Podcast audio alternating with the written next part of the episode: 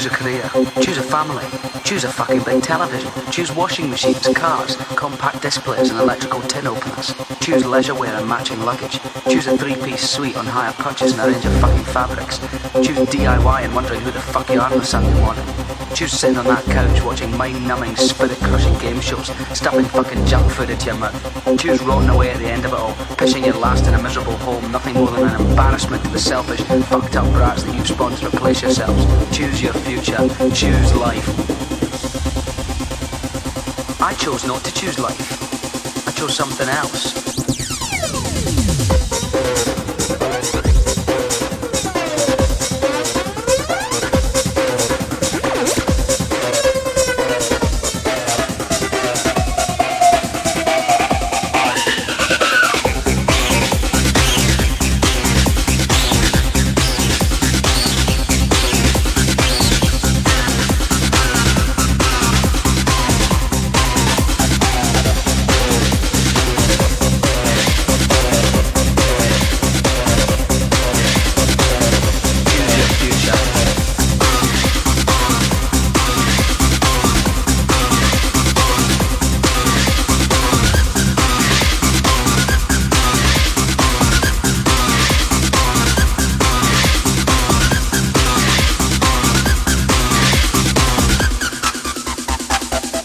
Choose life.